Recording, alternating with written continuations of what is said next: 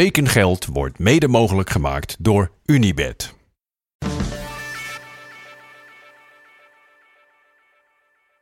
Welkom bij aflevering B.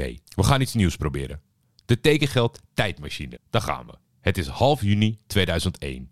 Het zijn de Romeinse jaren in Italië. Na de dubbel van Lazio flik Roma het door op de laatste speeldag van nummer 4 Parma te winnen. Altijd gevaarlijk in de Serie A, een tegenstander die nergens meer om speelt. Maar we zien het door de vingers. Juventus speelt net één keer te veel gelijk gedurende het seizoen. Lazio eindigt derde en de clubs uit Milaan doen het deze jaargang voor spek en bonen. En sluiten de lijst met Europese deelnemers. Fiorentina eindigt op plek 9. Vicenza, Napoli, Bari en Regina komen het hele jaar tekort en mogen richting de hellhole die de Serie B is. Aankomend seizoen nemen Chievo, Torino, Piacenza en Venezia hun plaatsen over. Pakt Roma door? Hoe gaat Cragnotti om met de derde plek van Lazio? Inter en Milaan moeten echt iets gaan doen om weer mee te tellen. En wat doet de rest om een plekje te blijven behouden in de op dit moment sterkste competitie ter wereld? Ik doe even alsof ik Gianfranco Jamali heet en via de buizenradio bonus alla firma maak voor alle Calcio-fans die geen transfer willen missen. De Roma-supporters zijn er niet gerust op bij de start van het nieuwe seizoen. In de ultieme macho-competitie is het niet de bedoeling dat je als regerend kampioen winst maakt tijdens een transferwindow. Oké, er is geïnvesteerd in de toekomst met het oppikken van Antonio Cassano bij het gedegradeerde Bari en talentvolle keeper Pellozzoli van Atalanta. Antonio slaagde overigens met vlag en wimpel voor de psychologische intake-test, maar zijn deze twee posities echt nodig op dit moment? Hidetoshi Nakata misschien te makkelijk laten gaan naar uitdager Parma? Cristiano Zanetti voor 11 miljoen naar Inter? Die moet je natuurlijk wel accepteren. Al met al was het niet per se goed of slecht, maar misschien gewoon niet bombastisch genoeg voor een regerend kampioen. Dan de corrupte oude dame. Gianluigi Buffon, 50 miljoen voor een keeper. Oké luisteraars, Stevie Wonder ziet dat deze jongen van 23 echt goed kan keepen, maar 50 miljoen voor een keeper? Benieuwd of hij zijn stempel weet te drukken. Voelt de eigenaar van Lazio onheil? Waarom zou je in hemelsnaam Pavel netvet verkopen voor minder geld dan je concurrent krijgt voor een keeper? Heel vreemd. Turam en Sallas laat Fiat maar schuiven. De teller loopt deze zomer in Piemonte op tot net geen 200 miljoen. Maar je zal wat moeten als je het lef hebt om niemand minder dan Zinedine Zidane te verkopen aan Real Madrid. Pipo Inzaghi naar het zoekende Milan en Edwin van der Sar is ook overbodig geworden en mag naar het ambitieuze Fulham van Al Fayed. Al met al raakt het uiteindelijk de kassa maar met een kleine 30 miljoen. Niet slecht. Maar in acht nemend dat we het over de grootste oplichters van Europa hebben, toch teleurstellend. Over oplichters gesproken. Terwijl het piept en kraakt in het bedrijf van Lazio-voorzitter Cragnotti, geeft hij nog niet op. Oké, het verkopen van Netvet, Ferron en Salas was wel even echt nodig voor de nodige ademruimte, maar geld brandt in de handen van de voorzitter. En na zulke mooie transferzomers lijkt het volledig op de verkeerde paarden te wedden. Kan Mendieta het buiten Mestalla? Hij wil er graag achterkomen voor niet minder dan 50 miljoen. Jaap Stam ga je geen bijl aanvallen. Gelukkig voor Lazio is die op oorlogspad geraakt met Sir Alex Ferguson. Stefano Fiori, leuk voor de subtop.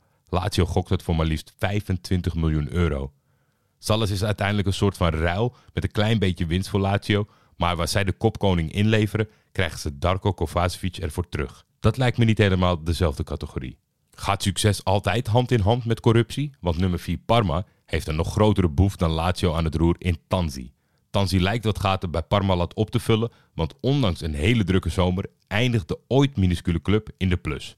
Naast Buffon en Turam mogen ook Mauricio Amoroso en Sergio Conceição voor stevige bedragen vertrekken. Aan de inkomende kant is het vooral een mid-table zomer. Eva Nielsen komt over van Dortmund, Alex, een talentvolle middenvelder van Cruzeiro en de stokoude Tafarel komt nog een keer terug vanuit Istanbul. Matteo Ferrari en Martin Laursen lijken vooral aanwinsten voor de toekomst. Is het einde van deze fabuleuze reeks van Parma in zicht? Dan de broers uit Milaan. Inter gaat voor Toldo, Adriano, Mohamed Calon en betaalt bijna 11 miljoen voor een slungelige centrale verdediger van Perugia, Marco Materazzi. Gratis pikken ze Okan en Emre op van kerstverse UEFA Cup winnaars Galatasaray. Voor iets meer dan ze voor Materazzi betalen laat ze Andrea Pirlo gaan naar Milan, de rivaal, de buur, als ze daar maar geen spijt van krijgen. Verkopen is nooit het sterkste punt geweest overigens van Inter. Robbie Keane verlaat na de deceptie van afgelopen seizoen de club voor het hoogste bedrag deze zomer, 18 miljoen naar Leeds, die op Italiaanse voet aan het spenderen zijn. De 35-jarige oersaaier Laurent Blanc gaat transfervrij naar United. Ik mag toch hopen dat Sir Alex niet denkt met deze man het gat van Stam op te vullen. En de Servier Jugovic gaat eveneens transfervrij naar Monaco. Milan heeft twee gezichten deze zomer. Wat uit eigen land komt, lijkt goed. Wat van buitenaf komt, wat opportun. Rui Costa was sensationeel bij Fiorentina en mag mee met de overkomende trainer Fatih Terim. We hoorden al dat Pipo en Pilo komen. Donati voor 15 miljoen bij Atalanta lijkt een solide keuze. Maar dan de rest. Gavi Moreno van Alaves samen met Cosmin Contra. Umi Davala van Galatasaray. Zodat ze voor het kaarten in ieder geval met z'n vieren zijn en Turks kunnen praten. En bijna 4 miljoen voor Vitali Kutuzov van Bate Borisov. Net als bij de blauw-zwarte buurman wilde het verkopen niet vlotten deze zomer in Milaan. Zenoni was de speler die het meeste opleverde dankzij 15 miljoen van Juventus. De top 5 werd afgesloten door Luca Saudati, Paolo Ginestra, Luigi Sala en Francesco Coco. Boban, Leonardo, Biro, Ba en Dida leverden allemaal geen geld op. Zij gingen of transfervrij of op huurbasis weg uit Milaan. Na 6 van de 18 ploegen las ik even een korte pauze in. Deze ploegen en de meeste spelers moeten een nostalgische deken over jullie heen hebben gelegd. Maar laat gewoon even weten of je de tekengeld tijdmachine leuk vindt of niet. Dan maak ik deze af en doe ik er één per week of zo of hoeveel tijd ik beschikbaar heb. Zelf droom ik weg naar oude beelden en oude edities van Championship Manager. Maar als ik er alleen zelf gelukkig van word, dan doe ik het wel in stilte achter mijn laptop, zoals ik dat altijd al doe.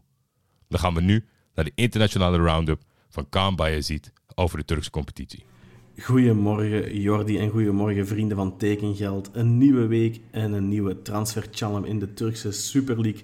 Want kampioen Galatasaray kaapt Wilfred Zaha onder de neuzen van Fenerbahce weg. Fenerbahce was al ruim drie maanden bezig met de komst van de rechtsbuiten van Crystal Palace.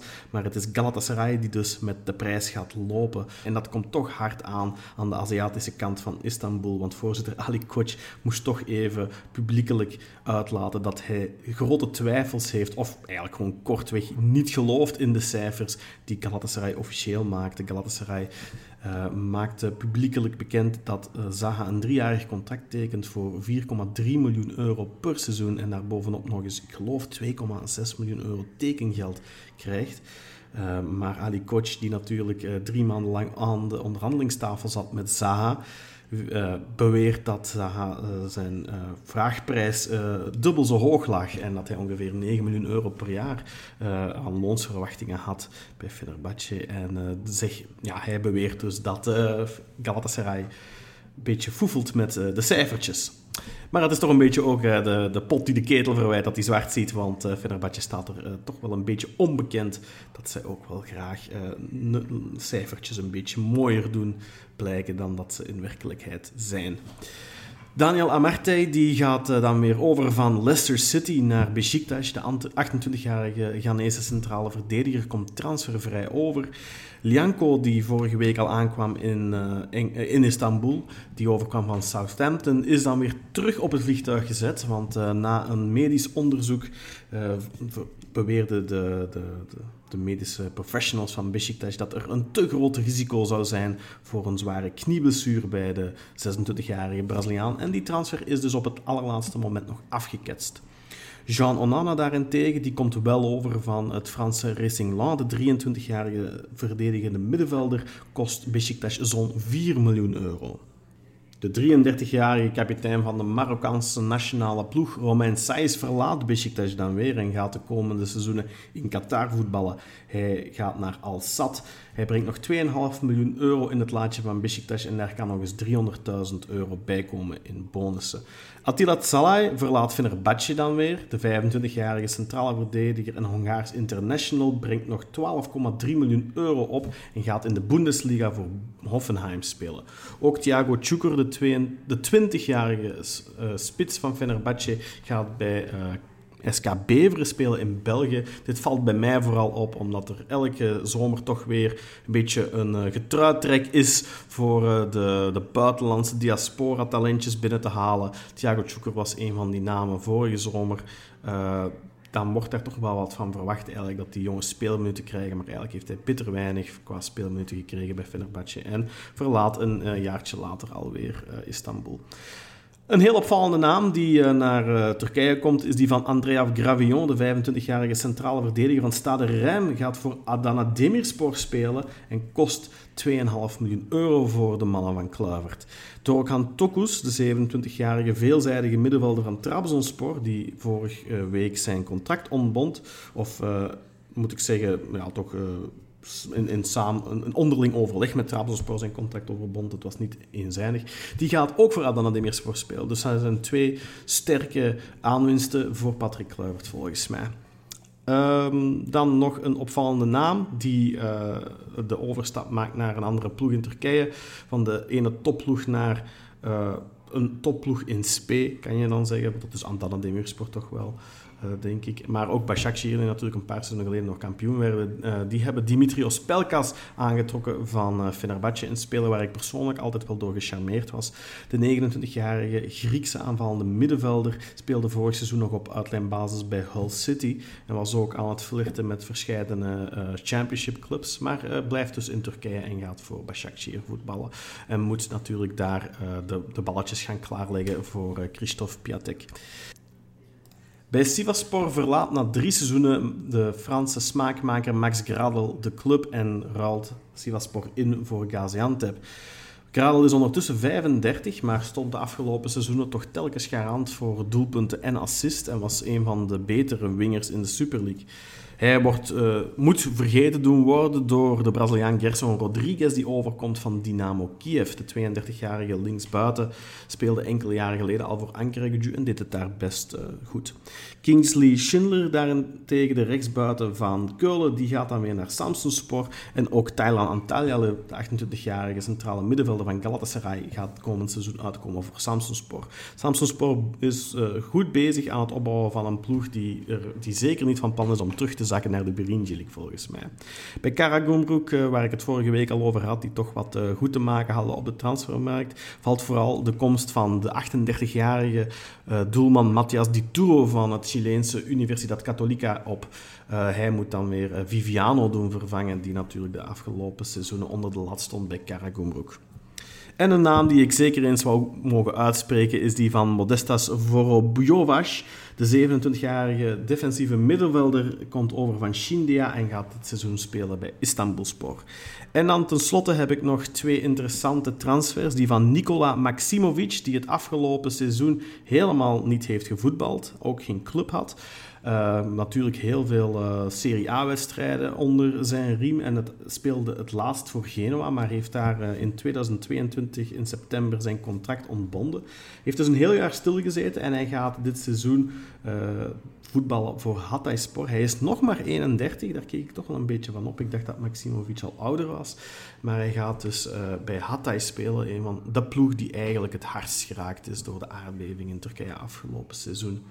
Dus uh, het wordt uh, afwachten of Maximovic terug op een iets of wat deftig niveau uh, kan komen na een seizoentje stilzitten.